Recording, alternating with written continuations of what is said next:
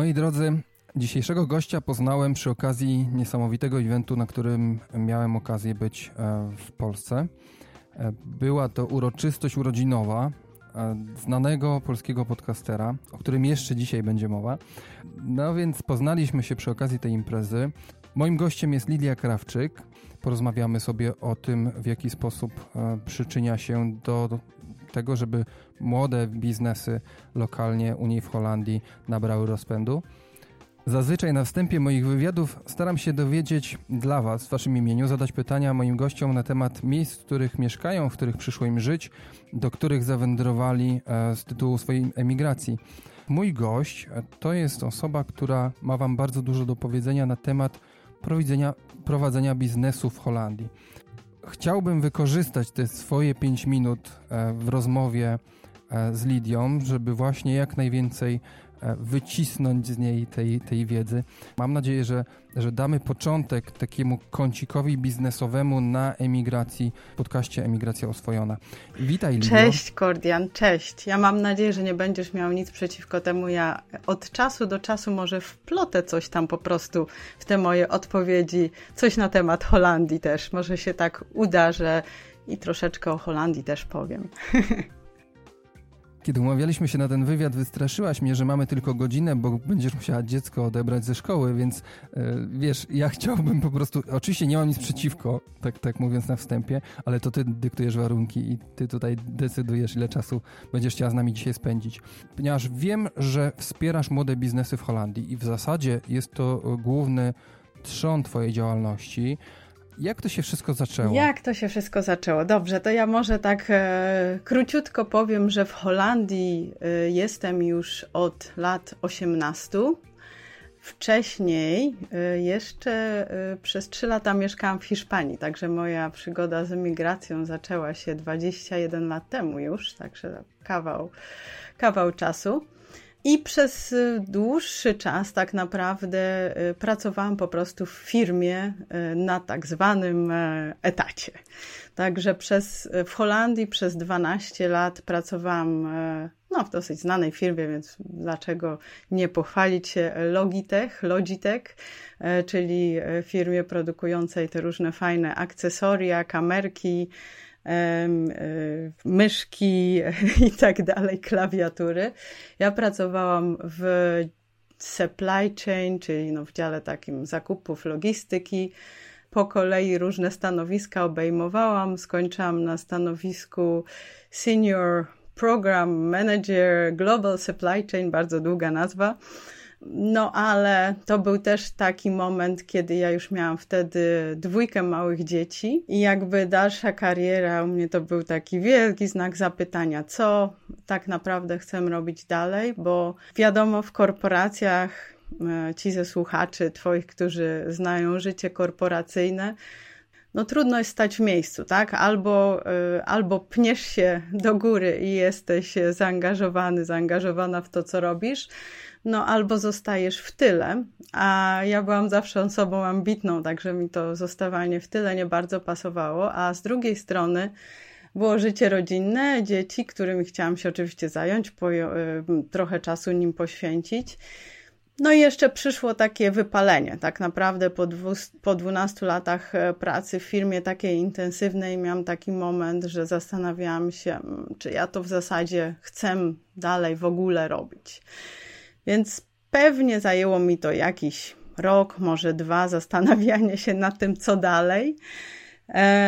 Ponieważ mój mąż, e, mój mąż jest Holendrem zresztą, ale to no, nie ma tutaj za dużego znaczenia, ale e, mój mąż miał już firmę od jakiegoś czasu, więc jakby był dla mnie takim przykładem, że hmm, można pracować z domu i w sumie robić to, co Tobie się podoba. To daje Ci niezależność, elastyczność, oczywiście wyzwania również e, też ze sobą niesie, ale to jest coś, co, co, co przemówiło do mnie w tym momencie, bo no nie widziałam siebie w kolejnej korporacji, e, gdzie od nowa będę powiedzmy tam torować swoją sobie drogę i od nowa robić w zasadzie to samo. I postanowiłam wtedy właśnie, czyli to było już teraz 5 e, lat temu, założyć własną firmę. E, I teraz, jak to się stało, że w ogóle uczę teraz początkujących przedsiębiorców, jak rozwijać swoje firmy. E, nie zaczęłam od tego oczywiście, bo wtedy w ogóle sama nie miałam pojęcia, jak rozwijać własną firmę. Byłam zupełnym e, laikiem, zaczynałam od zera. I kiedy zaczynałam firmę, to tak naprawdę mm, no, po dłuższych debatach z mężem stwierdziliśmy, że po prostu zacznę z czymś i zobaczę, co dalej. E, bo nie wiedziałam, jaką, jak dokładnie ta firma, jaki, no jaką formę, tak, jaką kierunek. formę przybierze, w którym kierunku jeszcze dokładnie pójdę. Wiedziałam, że chciałam coś robić no, z, z Polakami w Holandii, e, bo w jakiś sposób był mi to temat już wtedy bliski. E, tutaj w Holandii jest bardzo duża społeczność polonijna. I e, taki pierwszy mój pomysł na biznes był związany z konsultingiem i z doradztwem dla firm, które albo z Polski chcą się osiedlić w Holandii na zasadzie czy filii, czy no, zdobywania tutaj rynku, albo firmy holenderskie, które chciały w jakiś sposób um, zaistnieć w Polsce. Więc e, myślałam o tym, żeby być takim łącznikiem i zacząć z matchmakingiem, tak, z organizowaniem misji czy spotkań dla takich firm. To był mój pierwszy pomysł. I muszę powiedzieć, że to do, dopóki doszłam e, do tego, co robię teraz, to troszeczkę tam różnych zakrętów po drodze było. E, to znaczy przynajmniej mm, dwa, prawie trzy lata w zasadzie e, z moją firmą eksperymentowałam, próbowałam różnych rzeczy. Potem doszłam do wniosku, że chcę, mm, chcę szkolić, że chcę robić szkolenia, mm, bo zawsze to jest to było coś, co lubiłam robić w firmie też mm, wewnętrznie, czyli organizować warsztaty, Skąd miałaś wiedzę, którą się dzieliłaś? Bo, bo mówisz o tym, że szkoliłaś innych. Mi od razu pojawia się pytanie, no dobrze, ktoś chciałby mnie szkolić, jaką mam pewność, że on ma wiedzę, którą powinien się ze mną podzielić. Więc, więc w tym momencie, jak ty tę wiedzę zdobywałaś i z czego szkoliłaś? Kiedy tak? zaczęłam, to tak naprawdę zaczęłam się dzielić wiedzą tą jeszcze nabytą w, w czasach korporacji, czyli E, to było zarządzanie czasem, zarządzanie zespołem, projektami. To była ta wiedza, którą jakby miałam z tego mojego poprzedniego etapu życia. I e, to, to z czym zaczęłam, to no, takie próby szkoleń dla firm e, holenderskich, które zatrudniają na przykład Polaków albo innych obcokrajowców, czyli to mogły być szkolenia po angielsku też, czy po polsku. E, i, i gdzie bym szkoliła właśnie osoby, które zostają supervisorami, powiedzmy team liderami, tak? Ja że użyję mhm. takich zangielszczonych słów, bo chyba też w Polsce często ich się nie tłumaczy.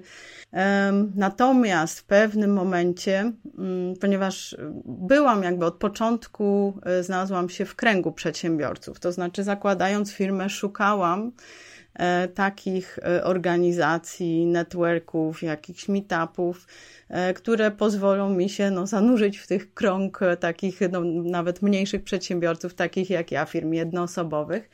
Więc znalazłam takie, takie grupy, mm, zarówno holenderskie, jak i polskie. I y, jeśli chodzi o grupę polską, no to można powiedzieć, że tam na dobre ugrzęzłam, bo y, dosyć szybko poczułam się tam dobrze i zauważyłam, że mogę w jakiś sposób pomóc y, przy organizacji spotkań, przy, przy samym zarządzie. Także z czasem zostałam y, nawet dyrektorem na jakiś rok Polsko-Holenderskiego Stowarzyszenia Przedsiębiorców, które wtedy istniało, teraz nie istnieje. I e, no, no udzielałam się tam mocno, także przez to poznałam właśnie dużo polskich przedsiębiorców. I kiedy ja sama w końcu zaczęłam się szkolić z prowadzenia firmy, bo to jest coś, e, w czym miałam taką wielką lukę, tak? Ja miałam wiedzę na różne tematy, natomiast na temat prowadzenia firmy po prostu zero. Ale e, z czasem zaczęłam no, uczęszczać, odkryłam, że tak powiem, e, on, świat online. Odkryłam Facebooka, odkryłam to, że jest mnóstwo ludzi, którzy dzielą się wiedzą podczas webinarów, że są kursy online, że są podcasty, tak? To jakieś trzy lata temu odkryłam, że są wspaniałe podcasty, też e, podcast, o którym zaraz powiemy. I zaczęłam się uczyć właśnie z różnych źródeł. I kiedy ja zaczęłam te różne źródła poznawać, to oczywiście to, co chciałam, to od razu y, zastosować to w praktyce, więc bardzo dużo eksperymentowałam. Więc co, czegokolwiek się nauczyłam, od razu stosowałam to u siebie e, w moim biznesie i widziałam duże zmiany i duże rezultaty. I kiedy ponownie spotykałam się z, z tą moją grupą polskich przedsiębiorców, to widziałam, że ja już szybko, szybko rosnę, e, przynajmniej e, z tym moim doświadczeniem i tą nową, nowo nabytą wiedzą.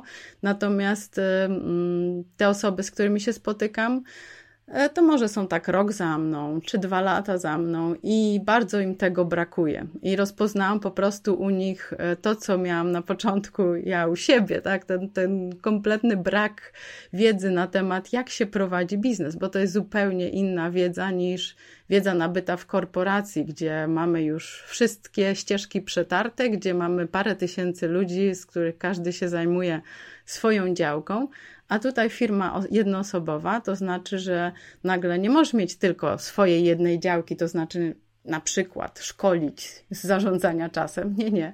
Musisz również e, posiąść całą wiedzę na temat marketingu, na temat administracji, na temat sprzedaży, na temat jak, e, jaką strategię cen zastosować, jak, jak ofertę zbudować, jak strona internetowa powinna wyglądać. To wszystko było dla mnie zupełnie nowe, ale szybko się tego uczyłam i widziałam wokół, że jest wielka potrzeba, e, żeby również inni dowiedzieli się o, o tych rzeczach. Także ja czułam się, jakbym no, odkryła nowy świat, który też z czasem chciałam pokazać innym. O, może tak to ładnie powiem.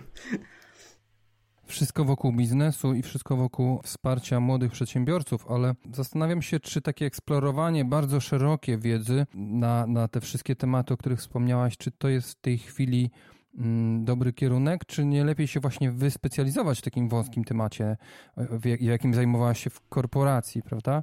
Ja też się zastanawiam nad tą twoją karierą korporacyjną. Wyróżniałaś się w jakiś sposób, czy byłaś właśnie taka, która powiedzmy płynie z prądem? Bo wiesz, w korporacji albo się właśnie, tak jak wspomniałeś, trzeba się wyróżniać i trzeba się piąć mm -hmm. po mhm. drabinie do góry. Dlaczego o to pytam? Dlatego, że dzisiaj jesteś osobą publiczną, lubisz być, lubisz przemawiać do ludzi, lubisz występować publicznie, robisz live na Facebooku, na, na Instagramie.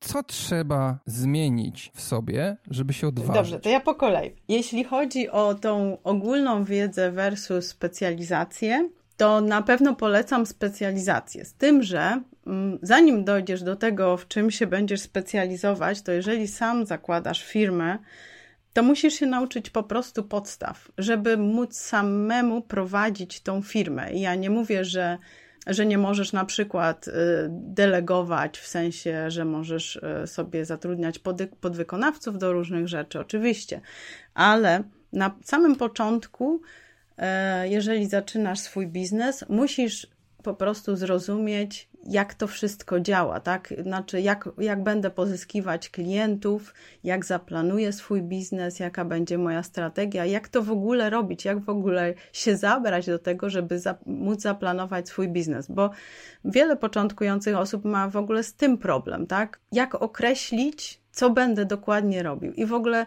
kto będzie moim klientem? Najczęstsza, kiedy już zaczęłam ze szkoleniami, to najczęstsza odpowiedź od klientów, którą dostawałam, e, to jest taka odpowiedź, która jest naprawdę bardzo typowa dla początkujących przedsiębiorców. Jeżeli ja pytam, kto jest Twoim klientem, to dostaję odpowiedź wszyscy. I to jest typowy błąd, tak, ale w momencie, kiedy zaczynamy, nie wiemy, dlatego że no po prostu nie wiemy tego, czego nie wiemy. Jest e, trudno w ogóle zaplanować swój biznes, jeżeli nie mamy takich podstaw wiedzy. E, fir pracując w firmie, jesteśmy uczeni i szkoleni przez naszych kolegów, przez naszego szefa.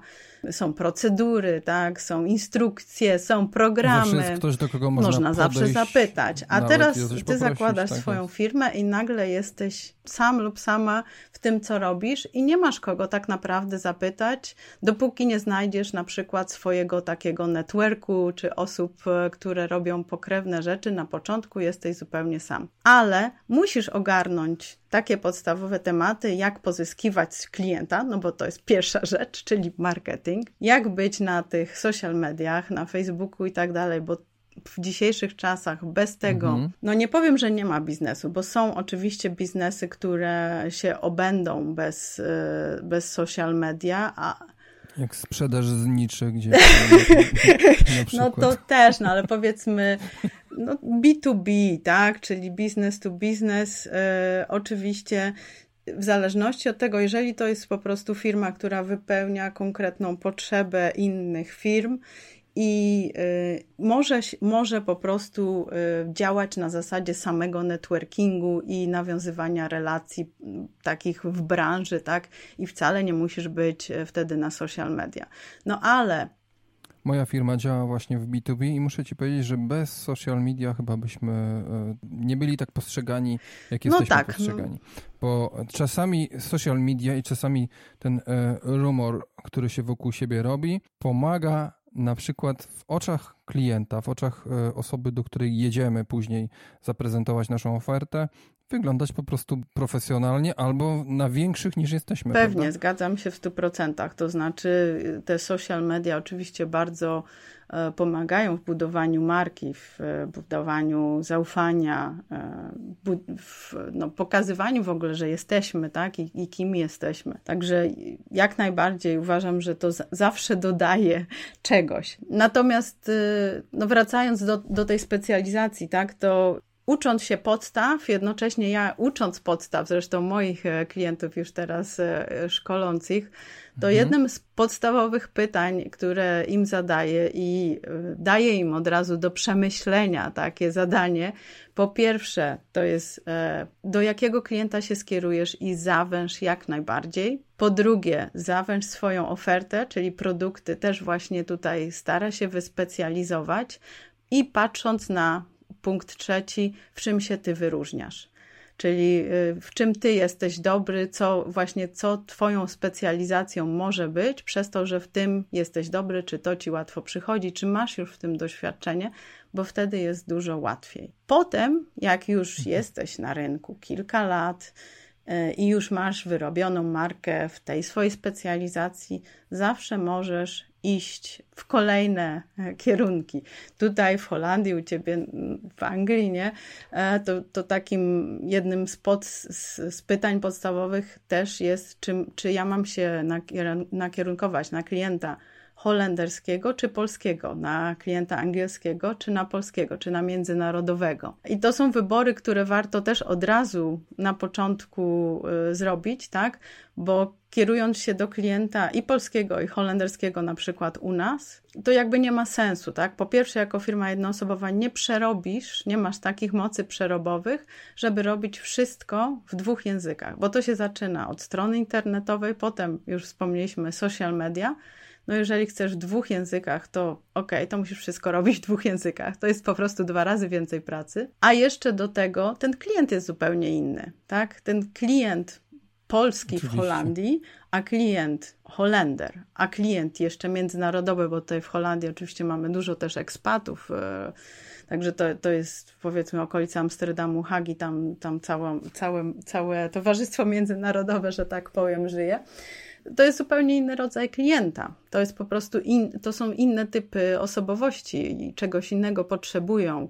Także no, nie ma sensu jakby uderzać do wszystkich. Także tutaj ten, ten wybór, jeżeli jesteśmy na emigracji, tak, wybór tej narodowości języka też ma bardzo duże znaczenie. To jest w zasadzie taki pierwszy wybór, a, a potem jeszcze no reszta. Jaki to jest ten klient? Jeżeli holenderski, to to jaki? Czy to jest klient, nie wiem, jako firmy, czy firmy małe, czy firmy duże, czy to jest, y, jaki typ osoby to jest, tak? E, czy lubi, no nie wiem, czy jest to klient VIP, czy jest to klient taki, który przeciętne produkty chce i wobec tego ceny muszą być do tego dopasowane. To wszystko zależy. Jakim językiem będę do niego mówić? Nie tylko językiem polskim, holenderskim czy angielskim, ale też jakich słów będę używać, jakich wyrażeń, e, czy będę się zwracać nieformalnie, czy formalnie, czy będę mówić e, rozkminy, czy będę mówić, ja się muszę tutaj rozważyć wszystkie opcje, tak? Bo to, bo, bo to zależy, do kogo się zwracamy, e, jak, jak, jakim językiem do niego trafimy, tak? Bo jeżeli będziemy do osób, które powiedzmy mają tam 20-30 lat, i są takimi luzakami mówić, ja muszę rozważyć wszystkie opcje i tak dalej językiem korporacyjnym, to e, no, nigdzie nie trafimy. Także to jest też e, bardzo ważne. Nawiązując w takim razie do tego specjalizacja, a wiedza ogólna, to jeśli chodzi o zdobywanie wiedzy e, przez początkującego przedsiębiorcy, to bym tutaj patrzyła na podstawy i na taką szeroką wiedzę na temat prowadzenia firmy szeroką to nie znaczy oczywiście, że trzeba tomy książek przeczytać, tylko żeby się podszkolić z marketingu, planowania, administracji i strategii. To są takie tak najważniejsze rzeczy. A jeśli chodzi o specjalizację, to w swojej ofercie i w dotarciu do klienta jak, jak najszybciej należy się rzeczywiście specjalizować. Druga część pytania o życie w korporacji i czy ja się tam jakoś wyróżniałam, czy byłam taką szarą myszką. No nie, tak naprawdę nie byłam chyba nigdy szarą myszką. Tutaj chcę powiedzieć, że to, że ja robię live'y e, w tej chwili na Facebooku i że no, nie wiem, gdzieś tam się udzielam też na podium, to zawsze mnie kosztuje jakąś dozę stresu i no zawsze się stresuję. To znaczy przed każdym live'em się stresuję. Dzisiaj przed rozmową z tobą się stresowałam i przed każdym wystąpieniem na podium czy podczas szkolenia też mam takiego lekkiego stresa, to po prostu e, odchodzi. Mimo, że e, nasz system edukacji polski tak, jest zupełnie inny. To znaczy, ja byłam zawsze szarą, cichą myszką w szkole i jeszcze może w szkole średniej, na studiach byłam taką osobą, rzeczywiście, która tam nigdy się nie zgłosiła, tak?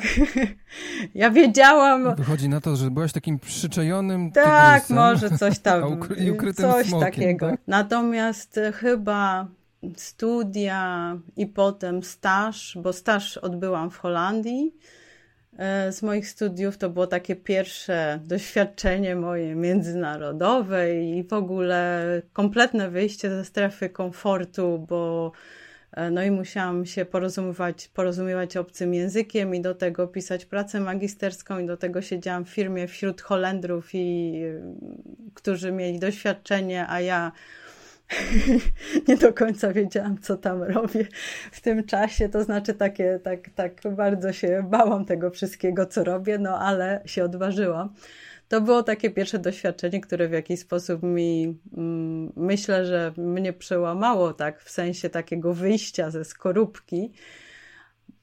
I odmieniło. No pewnie ja, tak. Nie, mm, przez przypadek nazwałem cię przyczajnym tygrysem, ukrytym smokiem, taką analogią do, do e, azjatyckich filmów bo dzisiaj jesteś ninja. No tak, tak się nazwałam, jeśli chodzi o markę Business Ninja. Rzeczywiście to trochę tak, e, e tak no, ja muszę ci powiedzieć, że dziękuję ci, bo nigdy nikt mnie nie, nie, nie nazwał takimi interesującymi epitetami. Brzmi to bardzo, no tak, wow.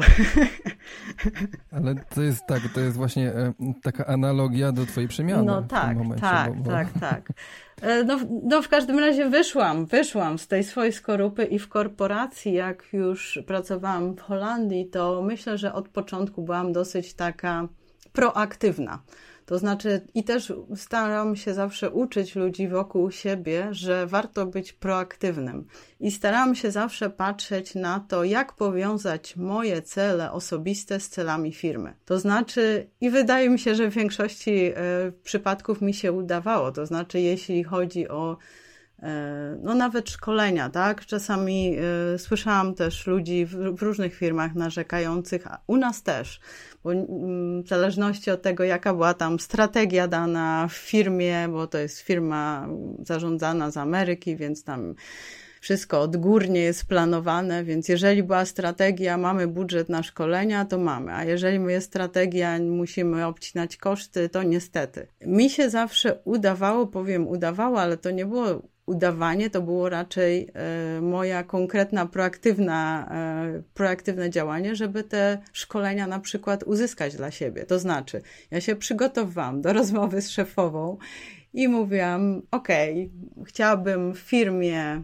dalej moja ścieżka, żeby wyglądała tak i tak. Chciałabym się w związku z tym nauczyć tego i tego. Uważam, że to bardzo by pomogło w naszym dziale, mm, żeby takie i takie projekty podjąć i nad tym pracować. Do tego mi jest potrzebne takie szkolenie. Ja już je wyszukałam, kosztuje tyle, zaczyna się wtedy, czy mogę pójść.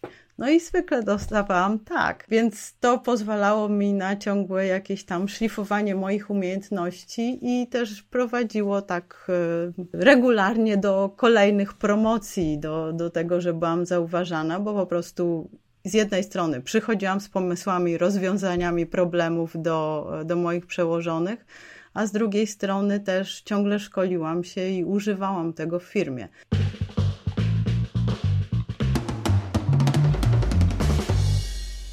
Czy Holandia jest przyjazna, e, przyjaznym środowiskiem dla biznesów? Nazwałem to specjalnie środowiskiem, żebyśmy to ujęli w pewną całość. Mam tutaj na myśli regulacje prawne, podatki, e, jakieś do, dotacje, tego typu rzeczy.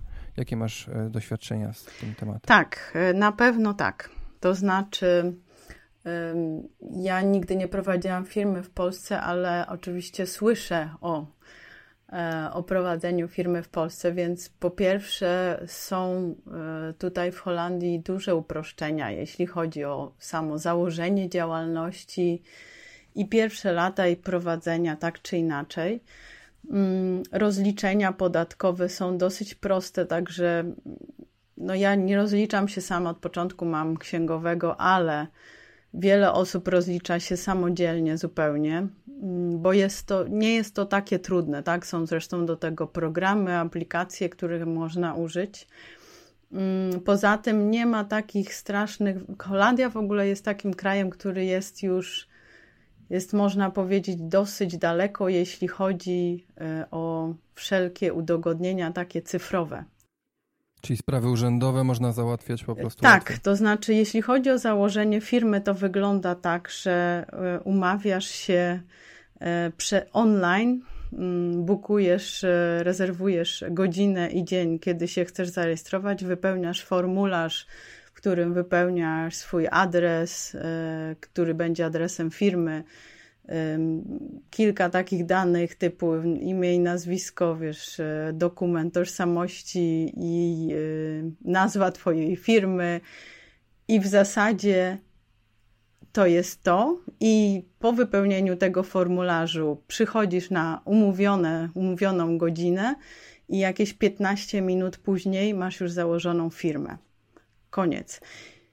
Ale jednym słowem trzeba się z kimś no, spotkać. No, trzeba się tak? z kimś spotkać, tak. Po, po wypełnieniu formularza trzeba się jeszcze z kimś spotkać. Może w przyszłości będzie tak, że, że to z tego też zrezygnują, ale trzeba się z tym spotkać. To właśnie wtrącę, że w Anglii już nie ma Aha. spotkania. Jest, wystarczy tylko wypełnić aplikację online. Przychodzi dokument e, z numerem e, tejże A, no widzisz, no widzisz, więc w mhm. sumie to, to też jest bardzo dogodne. Poza tym, jak patrzę, jeśli chodzi o te wymagania takie, powiedzmy, nawet samo fakturowanie przechowywanie faktur, tak? Jak ja słyszę o, o, nie wiem, segregatorach e, z fakturami, to zawsze się dziwię, bo ja większość faktur dostaję e, cyfrowo, tak, przez e-mail. One są u mnie na komputerze, na Dropboxie. Przesyłam je również cyfrowo do mojej księgowej i na tym się kończy. Ja również wystawiam wszystkie swoje faktury cyfrowo, nie drukuję ich. Poza tym, e, do Twojego pytania, jeszcze Kordian. No, są mhm. ułatwienia podatkowe, to znaczy w zasadzie koszty tej działalności w Holandii są ograniczone. Oczywiście to wszystko zależy, jaką firmę chcesz prowadzić, czy potrzebne są do, czy potrzebne jest ci biuro, lokal, sklep.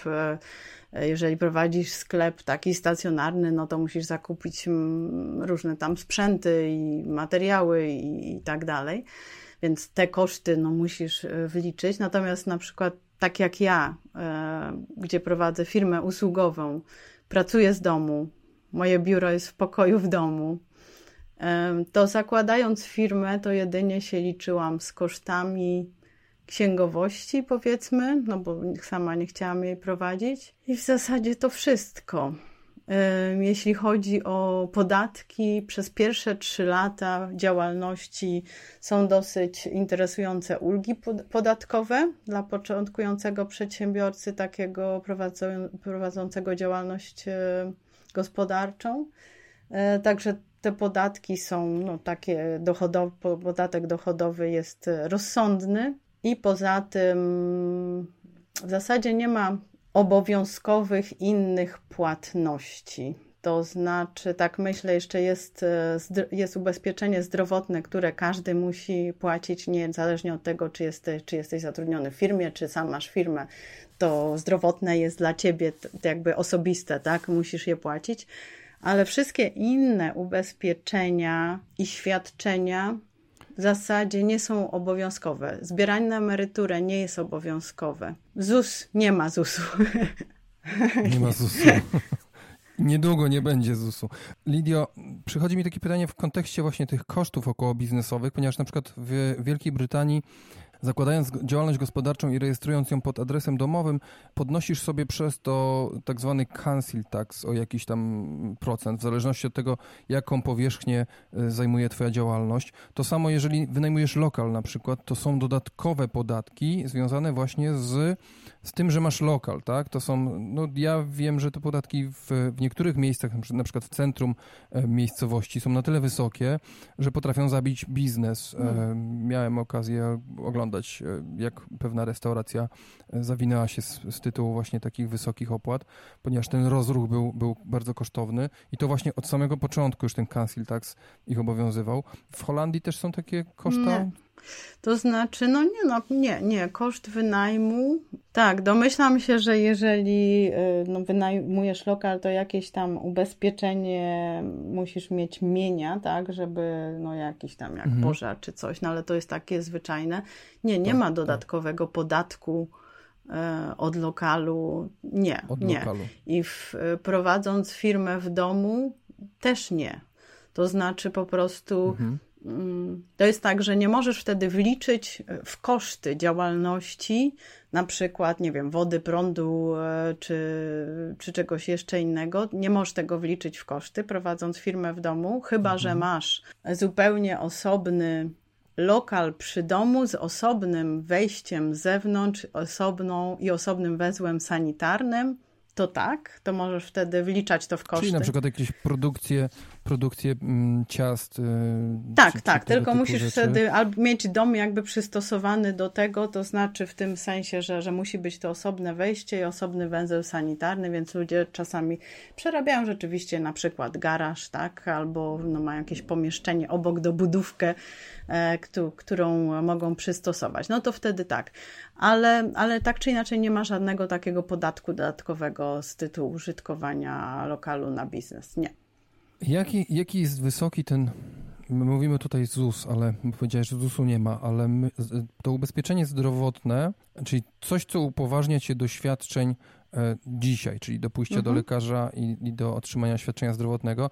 Jakie to jest wysokie w przypadku działalności? A drugie pytanie, jest też coś takiego jak ubezpieczenie społeczne. Wiesz co, to znaczy tak, y, y, ubezpieczenie zdrowotne wynosi około 100 euro, tak powiedzmy przeciętnie, miesięcznie. Mhm. E, ale nie jest mhm. ono uzależnione od e, tego, czy prowadzisz biznes, czy nie. To jest po prostu. Ale gdybyś prowadziła, gdybyś pracowała na, na przykład w zakładzie e, na etacie i dodatkowo prowadziła działalność, to też opłacasz tę tak. składkę? Czy, czy tak, to, jest już to wtedy... zawsze, o, tak? zawsze opłacasz. Okay. Tą, znaczy to jest, okay. jest, oczy, jest jeszcze jakaś tam mała część składka zdrowotna, już nie będę w technikalia wchodzić, które się opłaca jakby z podatkiem, ale ona nie jest duża. E, natomiast e, po prostu miesięcznie ty, jako osoba prywatna, za swoje ubezpieczenie zdrowotne musisz um, płacić około 100 euro. Niezależnie od tego, czy prowadzisz firmę, mhm. czy pracujesz na etacie, to jest twój wydatek, który musisz pokryć ty ze, no po prostu osobno, tak, ze swojej pensji. Ono to... Musisz to kalkulować, że jest to twój tak, miesięczny absolutnie. to, to czy chcesz, czy nie leci i że tak powiem jest obowiązkowe, więc tam oczywiście możesz sobie dodawać jeszcze jakieś tam pakiety na dodatkowe na stomatologa, czy, czy inne rzeczy, tak, i to wtedy jest trochę droższe jeszcze. Natomiast to podstawowe, obowiązkowe około 100 euro każdy musi płacić, także tutaj nie ma, że boli, I, ale też nie ma, nie ma mhm. różnicy między biznesem a czym innym. O czym jeszcze powinniśmy powiedzieć, jeżeli chodzi o zakładanie działalności gospodarczej w Holandii? Są jakieś niespodzianki, z którymi musimy się liczyć? Nie wiem, e, oprócz tego spotkania, o którym powiedziałeś, że trzeba odbyć spotkanie, umówić się na, na wizytę. No często... Mm, to co jeszcze mm -hmm, można Częste zaskoczyć? pytanie jest takie, czy możemy się tutaj zarejestrować jako firma bez stałego meldunku, to znaczy nie masz adresu zameldowania na stałe, bo na przykład podnajmujesz gdzieś tam z jakimiś innymi osobami domek, i w Twojej umowie jest napisane, że nie możesz wykorzystać e, tego adresu jako adresu oficjalnego meldungowego, więc no nie, wtedy państwo holenderskie nie dopuszcza e, do rejestracji firmy, chociaż są dziury i Niektórzy rejestrują i tak działalność z adresem na przykład wirtualnym, ale to może prowadzić do problemów. To znaczy, no jakby oficjalnie nie. E, to jest jedna rzecz. I druga rzecz to jest taka, nie wiem, czy to jest w sumie typowo holenderska, e, holenderskie wymagania, ale jest coś takiego jak kryterium godzinowe e, czyli żeby skorzystać z ulg podatkowych, które są dostępne, mm, to są dwie ulgi, takie dosyć, e, dosyć duże na te pierwsze lata działalności.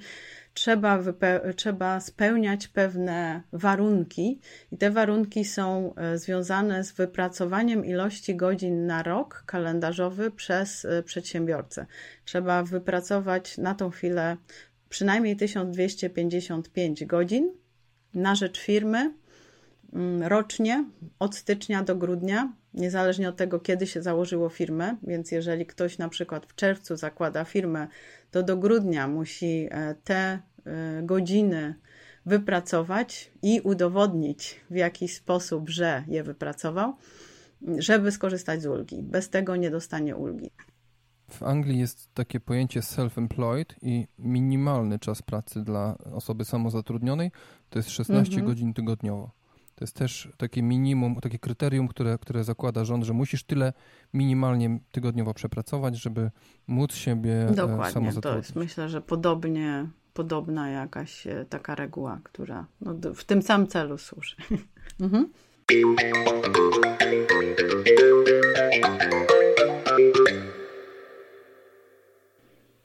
Teraz wróćmy trochę do, do Twojej działalności.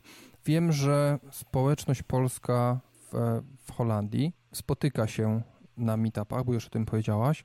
Jesteś jedno, stałą uczestniczką takich meetupów. Powiedz mi, jakie są największe korzyści z takiego wspólnego nie wiem, motywowania się do e, działania. Powiem więcej, e, nawiązując do Twojego pytania. E, nie jestem już tylko uczestniczką takich spotkań, ale organizatorką.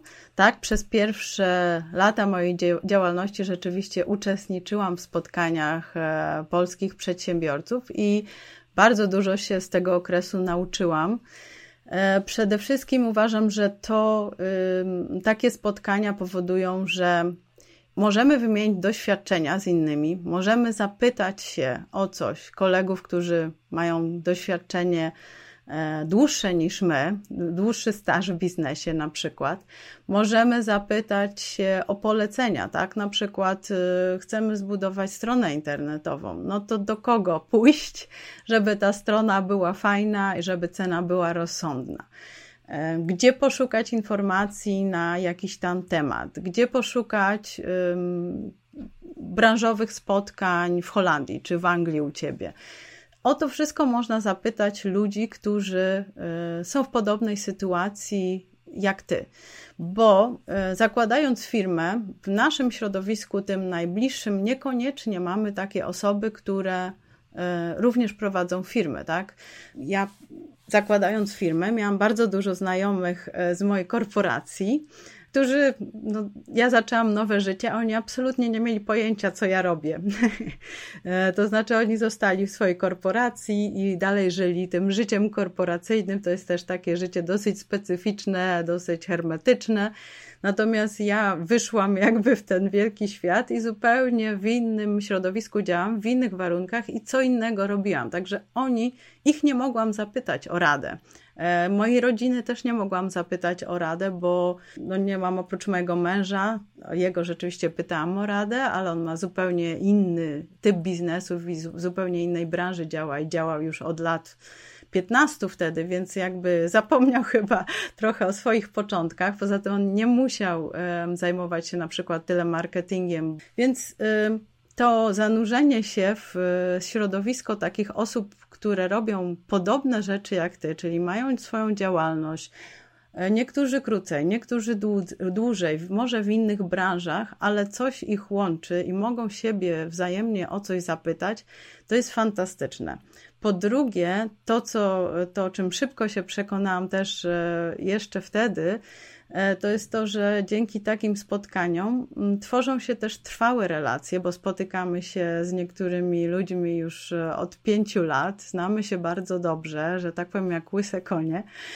I wiemy, że możemy na nich liczyć, i tworzą się bardzo fajne współprace z wieloma z, tymi, z tych osób, które poznałam wtedy, razem również zaproponowałam im, że y, mogą wystąpić podczas moich szkoleń.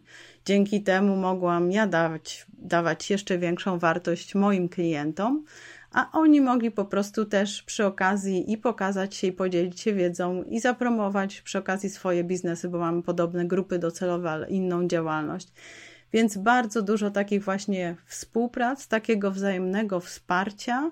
E, ja wiem, że mam grupę osób, do których mogę się zwrócić, że jakby są za moimi plecami, wspierają to, co robię. Więc ja jestem wielką entuzjastką takich e, inicjatyw i wtedy, kiedy w zasadzie ta organizacja przestała istnieć, ta, w której e, uczestniczyłam na początku, 2015 roku czy 16 przekształciła się w, znaczy tak, Zrobiła przekształciła się, się w Izbę Handlową, złączyła się z inną organizacją, ale ta nowa organizacja e, nastawiła się głównie na większe firmy i na taką działalność typową business to business, więc tam jest e, powiedzmy tam pięciu, sześciu członków, ale dużych. Tematy spotkań są zupełnie inne i ta nowa organizacja rzeczywiście nie, nie wypełnia tej roli, którą e, wcześniejsza organizacja wypełniała dla małych firm i zrobiła się luka. Ja zaczynając ze swoimi szkoleniami dla początkujących przedsiębiorców, zaczęłam w 2017, teraz tak myślę, na początku 2017 zorganizowałam pierwsze szkolenie, pojawiło się na nim około 20 osób.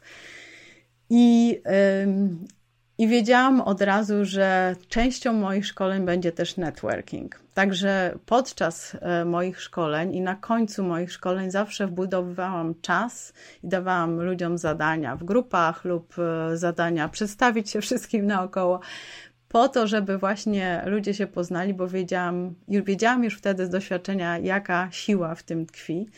I po dwóch, trzech takich szkoleniach stwierdziłam, że no, tyle fajnych relacji się mm, wywiązuje. Widzę, że ludzie się poznają, widzę, że są możliwości, widzę, że jest ta luka, jeśli chodzi o właśnie takie meetupy dla, e, dla mniejszych przedsiębiorców. E, postanowiłam zorganizować swoje takie pierwsze spotkanie. Nazwałam to roboczo Klub Dobrego Biznesu i tak już zostało. E, z tym, że na początku spotykaliśmy się zupełnie luzem. Ja po prostu organizowałam spotkanie, organizowałam jakiegoś gościa z ciekawym tematem i wykładem i networking e, z salą i prosiłam ludzi tam o wpłatę 30 euro za osobę, żeby mogła pokryć koszty. Z czasem zauważyłam, że fajnie by było chyba po trzech, czterech takich spotkaniach, że jednak ludzie mają taką potrzebę też i że fajnie by było, gdyby ludzie mogli zostać członkami tej inicjatywy, żeby czuli się częścią tego, bo te spotkania luzem to jakby to, to, to działało bardzo fajnie i elastycznie, ale nie było takiego poczucia mm, związania z grupą. Tego mi brakowało. Stworzyłam możliwość członkostwa i teraz już działam, teraz właśnie jestem jeszcze pełna tego entuzjazmu, bo w sobotę ostatnią, teraz nagrywamy ten podcast w czerwcu, więc e, w połowie czerwca mieliśmy e, kolejne spotkanie. Ja te spotkania organizuję kwartalnie. Mam w tej chwili już 40 stałych członków, plus, plus na każde spotkanie zapisują się jakieś osoby też luzem, które no, z czasem też często zostają członkami. Mam partnerów w swoim klubie, którzy mi pomagają w organizacji. I no, za każdym razem mamy fajnego gościa na około godzinę, a reszta to jest networking. Tym razem, ponieważ korzystam z tego, że E, że jesteśmy w Holandii, mamy bardzo dużo wody, e, tak jak wiesz na pewno. Z tego Holandia jest słynna, z tych wszystkich kanałów, śluz, e, wałów i tak dalej. Więc mieliśmy mhm. networking na łodziach, co było fantastyczne, bo mieliśmy fajną pogodę i mieliśmy taki dłuższy wykład e, e, moich znajomych też członków. No i potem był networking właśnie na takich dwóch dużych łodziach. Mieliśmy tam i napoje, i, i jakieś tam przekąski. Było bardzo sympatycznie, każdy z każdym mógł porozmawiać. Myślę, że wszystkich nas łączy to, że każda z tych osób chce się rozwijać, jest otwarta na kontakt z innymi Polakami, bo to też jest ważne. Nie każdy e, jest otwarty na taki kontakt. Ważne jest, żeby w tej organizacji waszej, i tego wam życzę, nie było tak zwanego zgnitego mhm. jaja. E, że była wspólna mobilizacja do działania, e, a nie podcinanie sobie skrzydeł, co, co bardzo często no, mówi się o Polakach, że właśnie jak ci, nie, jak ci nie zaszkodzą, to ci nie pomogą. Ja nie mam takich doświadczeń, nie mam takich złych gdzieś kontaktów.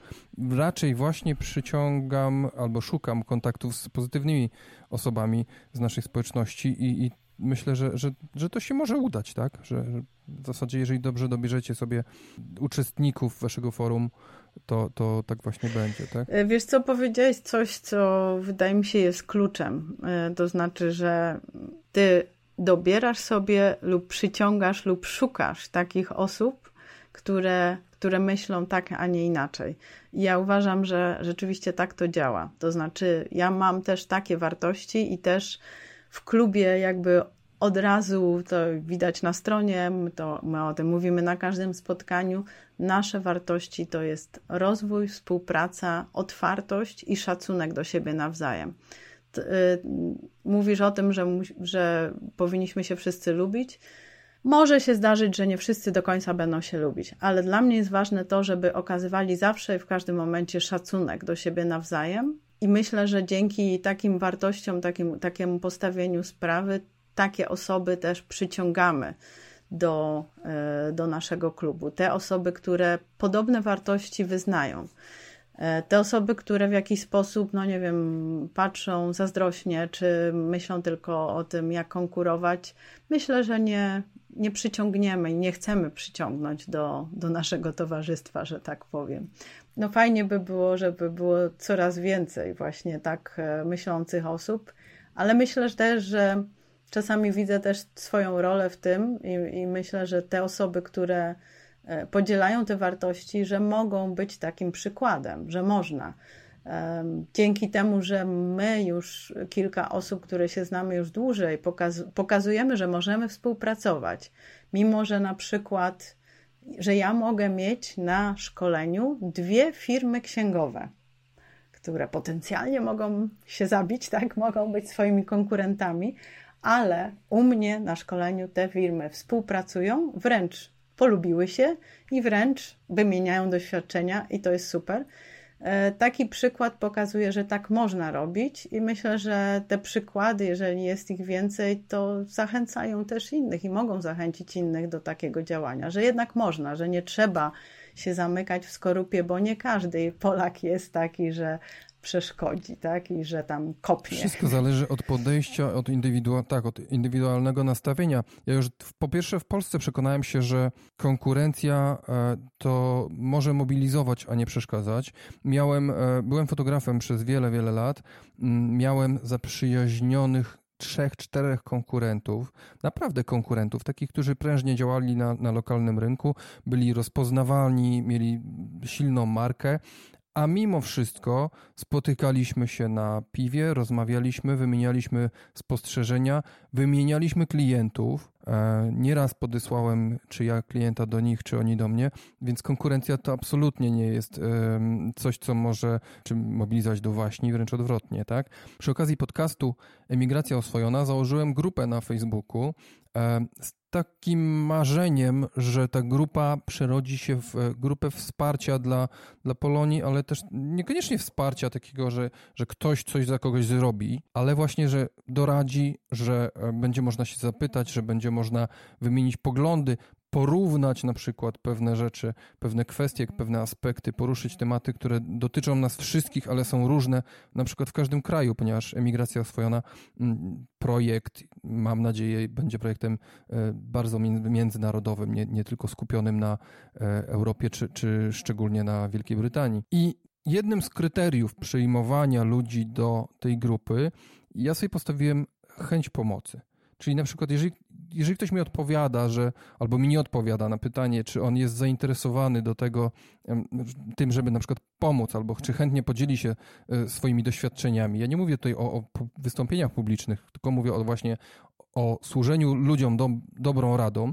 Jeżeli mi odpowiada pozytywnie, to jest to jak najbardziej kryterium e, za tym, żeby go do, do tej społeczności przyjąć. Jeżeli się zastanawia na przykład nad tym, czy on chciałby się podzielić, nie wiem, swoją radą czy doświadczeniem, zwyczajnie odpowiedzieć na pytanie, e, no to dla mnie to jest już też drugie pytanie, czy, czy warto go mieć w swojej społeczności. Jasne, jasne. Ja miałam okazję, e, chyba o tym powiemy, co, że miałam okazję i przyjemność wielką ponad tydzień temu prowadzić wywiad e, z gościem, który mi opowiadał o tym, jakie są jego kryteria i jaka jest jego droga, jeśli chodzi o zapraszanie gości do, swoich, do swojego podcastu. To był Marek Jankowski, nasz e, wspólny idol, mentor, mentor, nie wiem jak inaczej go nazwać, bardzo sympatyczna osoba i e, która tutaj spowodowała, że myśmy się spotkali, nie? Na, na wydarzeniu dziesięcioletnich urodzin, tak? dziesięciolecia tak, e, małej, wielkiej firmy, bo to jest ten podcast, o, której, o którym mówimy. No i przede wszystkim mm, tak, tak mi się tutaj nasuwa, znaczy w ogóle to była wielka przyjemność dla mnie prowadzić wywiad z Markiem. Bardzo się ucieszyłam, że się zgodził na ten wywiad. Y, dla mnie to był po prostu zaszczyt, bo od trzech lat słucham tego podcastu. E, przesłuchałam wszystkie odcinki do przodu i do tyłu i to jest taka wartość. Mhm. Ja bym się chyba jeszcze nie odważył w ogóle z Marka zapytać, czy by był, został gościem mojego podcastu, ale to dlatego, że ja jeszcze nie czuję się na tyle silny prowadząc ten podcast. Zazdroszczę ci tego, że Marek był twoim gościem. Miałem zamiar cię o to zapytać, więc cieszę się, że e, sama wspomniałaś.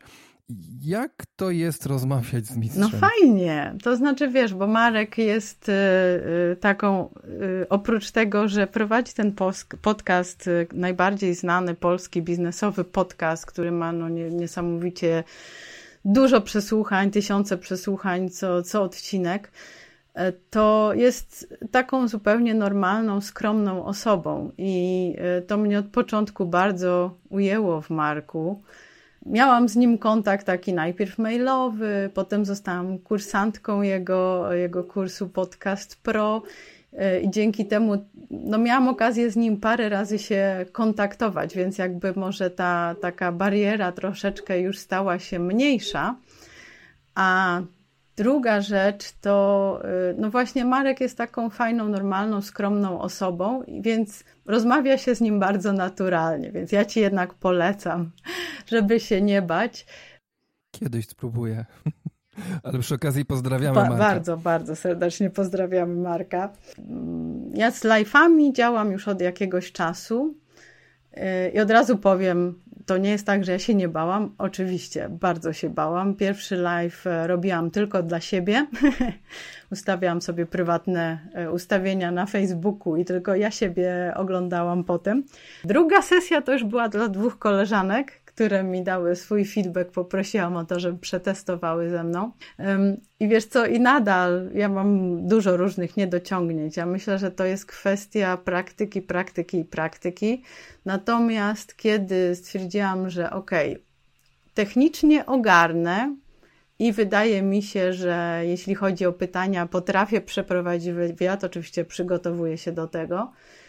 Mm, to bardzo chciałam, żeby Marek był moim pierwszym gościem, ze względu właśnie na to, że tyle się od niego nauczyłam z tych podcastów. Zbudował taką świetną społeczność, dzięki którym na przykład myśmy się poznali, Kordian, także to też jest bardzo fajne. Prawda, prawda. I, y, no i tak sobie wymarzyłam. Niekwestionowana zasługa Marka w tym momencie. Myśmy się spotkali dzięki niemu. Serdecznie dziękujemy. Ja cieszę się, że mówisz o, o tych swoich doświadczeniach z początkiem vlogowania. Jak pamiętasz, dzwoniłem do ciebie pytając się o, o radę, jak zacząć live'y, ale chciałbym wrócić w tym momencie do tego, że jesteś inspiracją dla różnych działań. Po, powiedz, jak możesz osobiście, jak ty możesz pomóc ludziom, e, którzy chcieliby na przykład uruchomić swoją działalność w, e, w Holandii? No tak, ja staram się też raczej dzielić się wiedzą niż, niż zajmować się autopromocją, absolutnie, ale staram się pomagać. To znaczy tak, powiem Ci, co ja w tej chwili robię. To znaczy, oprócz tego, że pomagam E, przedsiębiorcom, początkującym przedsiębiorcom w Holandii. E, rozwija, rozwijam skrzydła też poza Holandię e, i to dzięki tej możliwości bycia online, bo wiadomo, mhm. internet nie ma granic, także to jest, to jest taka wielka zaleta internetu, że można dotrzeć do ludzi też poza naszym krajem, poza, poza naszą lokalizacją i tak dalej. To, co, to, w czym pomagam. Po pierwsze, organizuje szkolenia w Holandii stacjonarne dla początkujących przedsiębiorców, które przeprowadzają ich krok po kroku przez te początki. To znaczy, w ogóle, jak, bo wiadomo, część osób ma problem z barierą językową, więc o ile mm, informacje na temat tego, jak założyć firmę, co, co zrobić, e, do jakiego urzędu się dać, jak wyglądają podatki, co to są ulgi. To wszystko jest, ale po niderlandzku. Ewentualnie można jeszcze część informacji znaleźć po angielsku, ale po polsku no to już mamy niedosyt. więc, e, więc po pierwsze jestem taką osobą, która jakby tłumaczy prostym językiem, ale też daje te informacje wszystkie w języku polskim, jak pro, krok po kroku założyć firmę i z czym się liczyć, co jest ważne w praktyce. Czyli ja nie uczę tylko tego, jak wyglądają podatki, jak wyglądają ulgi podatkowe i idź do urzędu, tylko uczę przede wszystkim takiej praktyki, na co zwrócić uwagę, jakie ja błędy popełniałam i które, których e, ty możesz już nie popełnić. Ja bardzo chętnie się dzielę wręcz swoimi błędami. Tak jak na początku mówiłam o tej specjalizacji, o tym, że e, często odpowiadamy, że naszym klientem jest każdy. Ja też tak na początku miałam, dopóki nie odkryłam, że dzięki zawężeniu grupy docelowej dotrę do wielu, docieram do wielu e, więcej klientów i to o wiele lep lepsze ma efekty. W maju tego roku, czyli 2019, jak teraz nagrywam w czerwcu, wypuściłam pierwszą edycję swojego szkolenia online, jak założyć z sukcesem firmę w Holandii. Więc e, te wszystkie lekcje dotyczące i spraw takich urzędowych, ale też tego, jak pozyskiwać pierwszych klientów, jak zrobić swój plan biznesu prosty dla siebie na A4 z uwzględnieniem wszystkich ważnych praktycznych elementów, jak sprawdzić swój pomysł na biznes, jakie są kroki, które musisz przejść. Jednym słowem, jak zminimalizować ryzyko wtopy. No tak, tak, absolutnie, absolutnie. I też y, no już tak, tak bardzo konstruktywnie się ukierunkować na to, żeby mieć tą strategię, żeby to nie było takie, ten biznes twój nie był przypadkowy, żeby nie kierować się do przypadkowych klientów jak podejść do social media, w ogóle jaka jest tego strategia, tak, żeby nie po prostu nie postować dla postowania na social media, bo to niekoniecznie cokolwiek daje. Zresztą zasięgi są takie, jakie są w tej chwili na Facebooku i trzeba to robić z głową. Więc jak prowadzić od początku ten biznes z głowy, jak z głową, jak rozwijać go krok po kroku, to jest to, czego, czego uczę i wkładam tam mnóstwo serca, to na pewno, ale też przede wszystkim doświadczenia i praktyki, praktyki mojej. Tak jak mówiłam, rozwijam skrzydła również e, poza. Aha, jeszcze o jednej rzeczy powiem. Prowadzę jeszcze masterminda. E, chyba chciałeś mnie też o to w pewnym momencie zapytać, więc uprzedzę Twoje takie. pytanie. E, to jest coś, co też jest chyba no, taką w tej chwili moją ulubioną formą kontaktu z klientem, bo co to jest mastermind? To jest taka mała grupa, z którą pracuję ja w zasadzie jako mentor. I e, to nie są szkolenia, to są spotkania takie mentoringowe, można powiedzieć.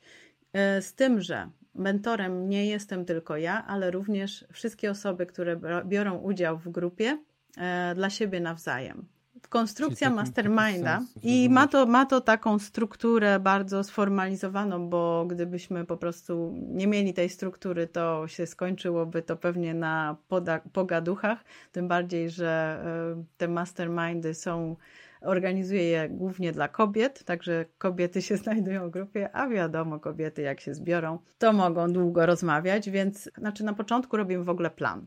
I później, mając już ten plan, mówimy o zobowiązaniach, mówimy o sukcesach od ostatniego, od ostatniego razu, od ostatniego spotkania i e, każda z uczestniczek zadaje pytanie do grupy, które jest w danym momencie jej barierą, problemem, wyzwaniem w rozwoju, takim największym w rozwoju jej biznesu.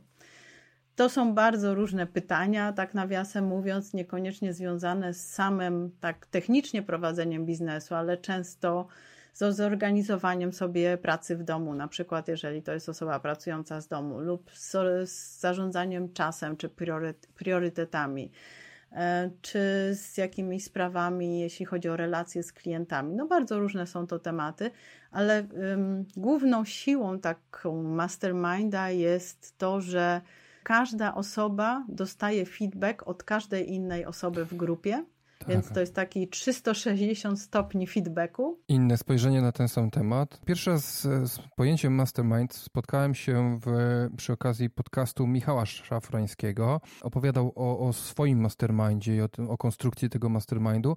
I pierwszy raz byłem uczestnikiem Masterminda na wspomnianych już urodzinach małej wielkiej firmy i ja po prostu byłem zachwycony y, formą, jak to rzeczywiście działa. Nie mam jeszcze okazji uczestniczyć w Mastermindzie, e, ale mocno się do tego przymierzam. Tak? Jednym z sensów istnienia takiej grupy to jest właśnie to, że po pierwsze ludzie mają coś do powiedzenia, po drugie mają jakieś doświadczenia e, i, i e, jakąś wiedzę na tematy, które po prostu mogą się przydać drugiemu uczestnikowi tego masterminda, bo jeżeli to byłaby osoba, nie wiem, powiedzmy osoba, która kompletnie nie ma wiedzy biznesowej, żebyś miał gwarancję, przynajmniej jak, jakąś pewność, że ta osoba wie, o czym ty mówisz, a przynajmniej, że, że y, jej, jej, rada może ci się do czegoś przydać, tak? Tak, tak. Ta, ta zorganizowanie tej grupy i konkretnych uczestników jest bardzo ważne. Ja, ja to robię w tej chwili jako um, no, rodzaj mojego płatnego produktu, tak? Czyli te osoby, które są w moim mastermindzie, ja je prowadzę, ja nie jestem częścią tego mastermindu, tylko jestem e, mentorem i facylitatorem tego mhm. E, mastermindu, można tak powiedzieć. Natomiast y, oczywiście bardzo wiele mastermindów, tak jak wspomniałeś Michała Szafrańskiego, tak, tak, mamy mhm. ten, ten mastermind, o którym ja też usłyszałam. Ja pierwszy raz też usłyszałam o mastermindzie jak najbardziej w podcaście i teraz już nie pamiętam, czy to był e, podcast Michała Szafrańskiego, czy Mała Wielka Firma Marka Jankowskiego, w każdym razie oni są w tym samym. E, Mastermindzie, tak jest. I to jest e, wtedy e, grupa, która się sama zorganizowała, które, osoby, które są na podobnych poziomach, ale może właśnie działają w różnych branżach, czy mają różne biznesy, ale ten jakby poziom jest podobny i poziom zaangażowania jest bardzo ważny bo tutaj ryzyko takie z mastermindem niepłatnym jest takie, że ludzie się wykruszają po kilku razach, tak? Bo mają powiedzmy każdy wiadomo tam jakieś sprawy bieżące i nie przy, może nie wszyscy przykładają taką samą wagę w pewnym momencie, no i to wtedy się niestety rozlatuje. Natomiast jeżeli to są osoby jednakowo zaangażowane, które chcą i które mają, no po prostu to jest, wiedzą, znają tego wartość i to jest ich priorytet i będą regularnie brały udział. No, na zasadzie dyscypliny też taką, trzeba mieć tą dyscyplinę, żeby się regularnie spotykać to jak najbardziej to jest taka fajna forma, że nawet y, to, co wspomniałeś na dziesiątych urodzinach małej wielkiej firmy. Ja miałem przedsmak tego, czym może być mastermind, oczywiście. Tak, tak. tak to była większa grupa i pół godziny, i mimo wszystko. Czasami nawet pięć minut wystarczy, żeby ktoś ci coś powiedział z zupełnie innej perspektywy, i nagle, wow, y, masz rozwiązanie swojego problemu.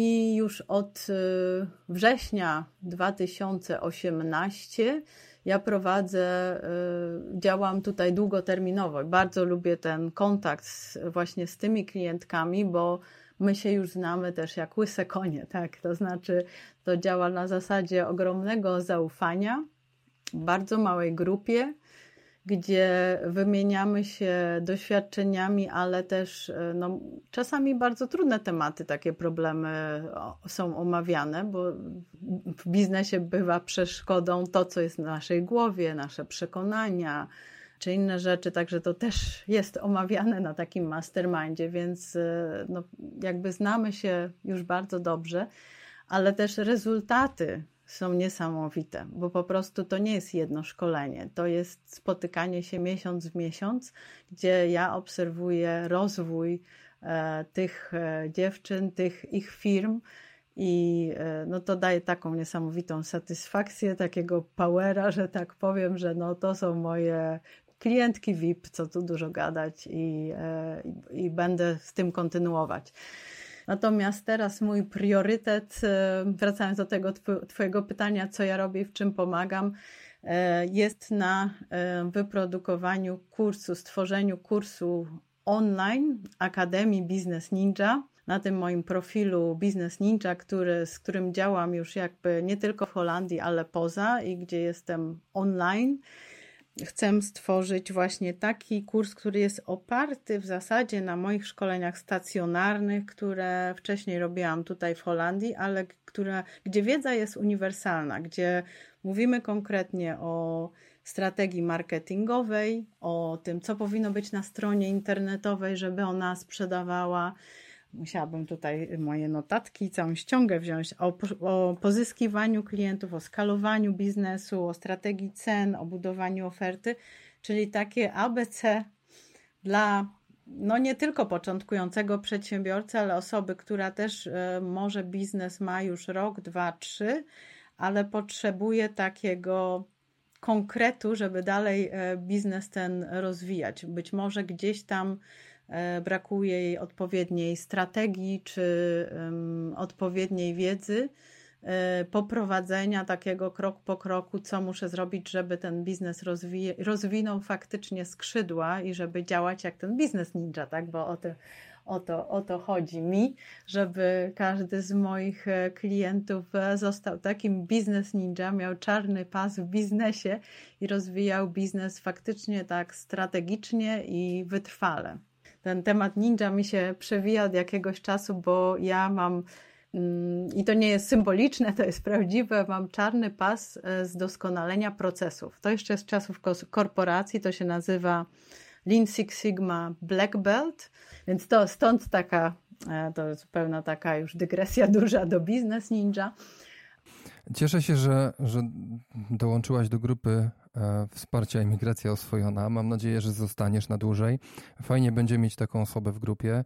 E, no i, i, i życzę Ci powodzenia swoimi kursami. No i zazdroszczę tym, którzy mają cię stacjonarnie, bo, bo jednak naj, najfajniej jest spotkać się z tobą twarzą w twarz, porozmawiać, być nawet powiedzmy uczestnikiem twojego masterminda, e, więc zazdroszczę tym, którzy rzeczywiście mają cię pod ręką. Mm, mam nadzieję, moi drodzy słuchacze, że, że dzisiejsza e, gościni mojego podcastu Was zainspirowała, bo, bo mnie bardzo zainspirowała. E, powiem Ci, Lidia, że, że, że naprawdę jestem zachwycony. Cieszę się, że do tego spotkania doszło i, e, i mogliśmy porozmawiać. Ja teraz moje, wiesz, takie plany z tyłu głowy, które sobie ułożyłem w czasie tego podcastu, będę realizował, będę się wzorował na, na, na Tobie. Um, dziękuję Ci bardzo za przyjęcie zaproszenia. To prawda, e, że kontakt na żywo jest oczywiście najfajniejszy, ale ja muszę powiedzieć, że poznałam też wiele osób już przez internet, tak? I te znajomości też w pewnym momencie przekształcają się w takie znajomości prawdziwe. Więc zachęcam też do kontaktu ze mną online. Jeżeli w czymkolwiek mogę pomóc, ja mówię, ja też chętnie dzielę się wiedzą, e, naprawdę. Także to te znajomości internetowe, to, że ty też tworzysz swoją grupę i społeczność, to też jest bardzo fajne, także będę tam i um, spróbuję się bardziej udzielać, bo jeszcze na razie tego nie zrobiłam. Brak czasu, nie brak chęci, naprawdę usprawiedliwiam się tutaj, ale, e, ale tak jest. Celem grupy jest zasięg międzynarodowy, więc, więc tak naprawdę zobacz, dzięki internetowi jesteśmy naprawdę wszyscy, jesteśmy w stanie sobie nawzajem pomóc i stworzyć taką społeczność, która, która tak naprawdę będzie mogła być może nawet się kiedyś spotkać, więc to, to jest coś niesamowitego. Chociaż nie wierzę, e, że to, to może się udać wkrótce, bo, bo jak patrzę na zasięgi, to, to mamy gości z Australii, gdzieś tam z Kanady, e, no ale wiesz, nigdy nie wiadomo, prawda? No wiesz, myśmy się spotkali, tak, ja z Holandii, ty z Anglii, w Warszawie. Ja jeszcze poznałam tam chłopaka, który przyleciał specjalnie z Hiszpanii, więc przynajmniej ta Europa nie jest tak daleko. A Holandia jest po środku. No, zapraszam. Dziękuję Ci bardzo serdecznie. E, wysłuchaliście kolejnego odcinka podcastu Emigracja Oswojona. Moim gościem była Lidia Krawczyk.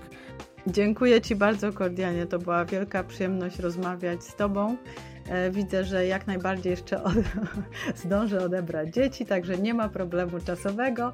I e, no, bardzo przyjemnie mi się rozmawiało. Życzę Ci dużo powodzenia z Twoim projektem i będę obserwować oczywiście i słuchać podcast. Z wzajemnością. Będę uczestnikiem Twoich live'ów. Dziękuję bardzo i do usłyszenia.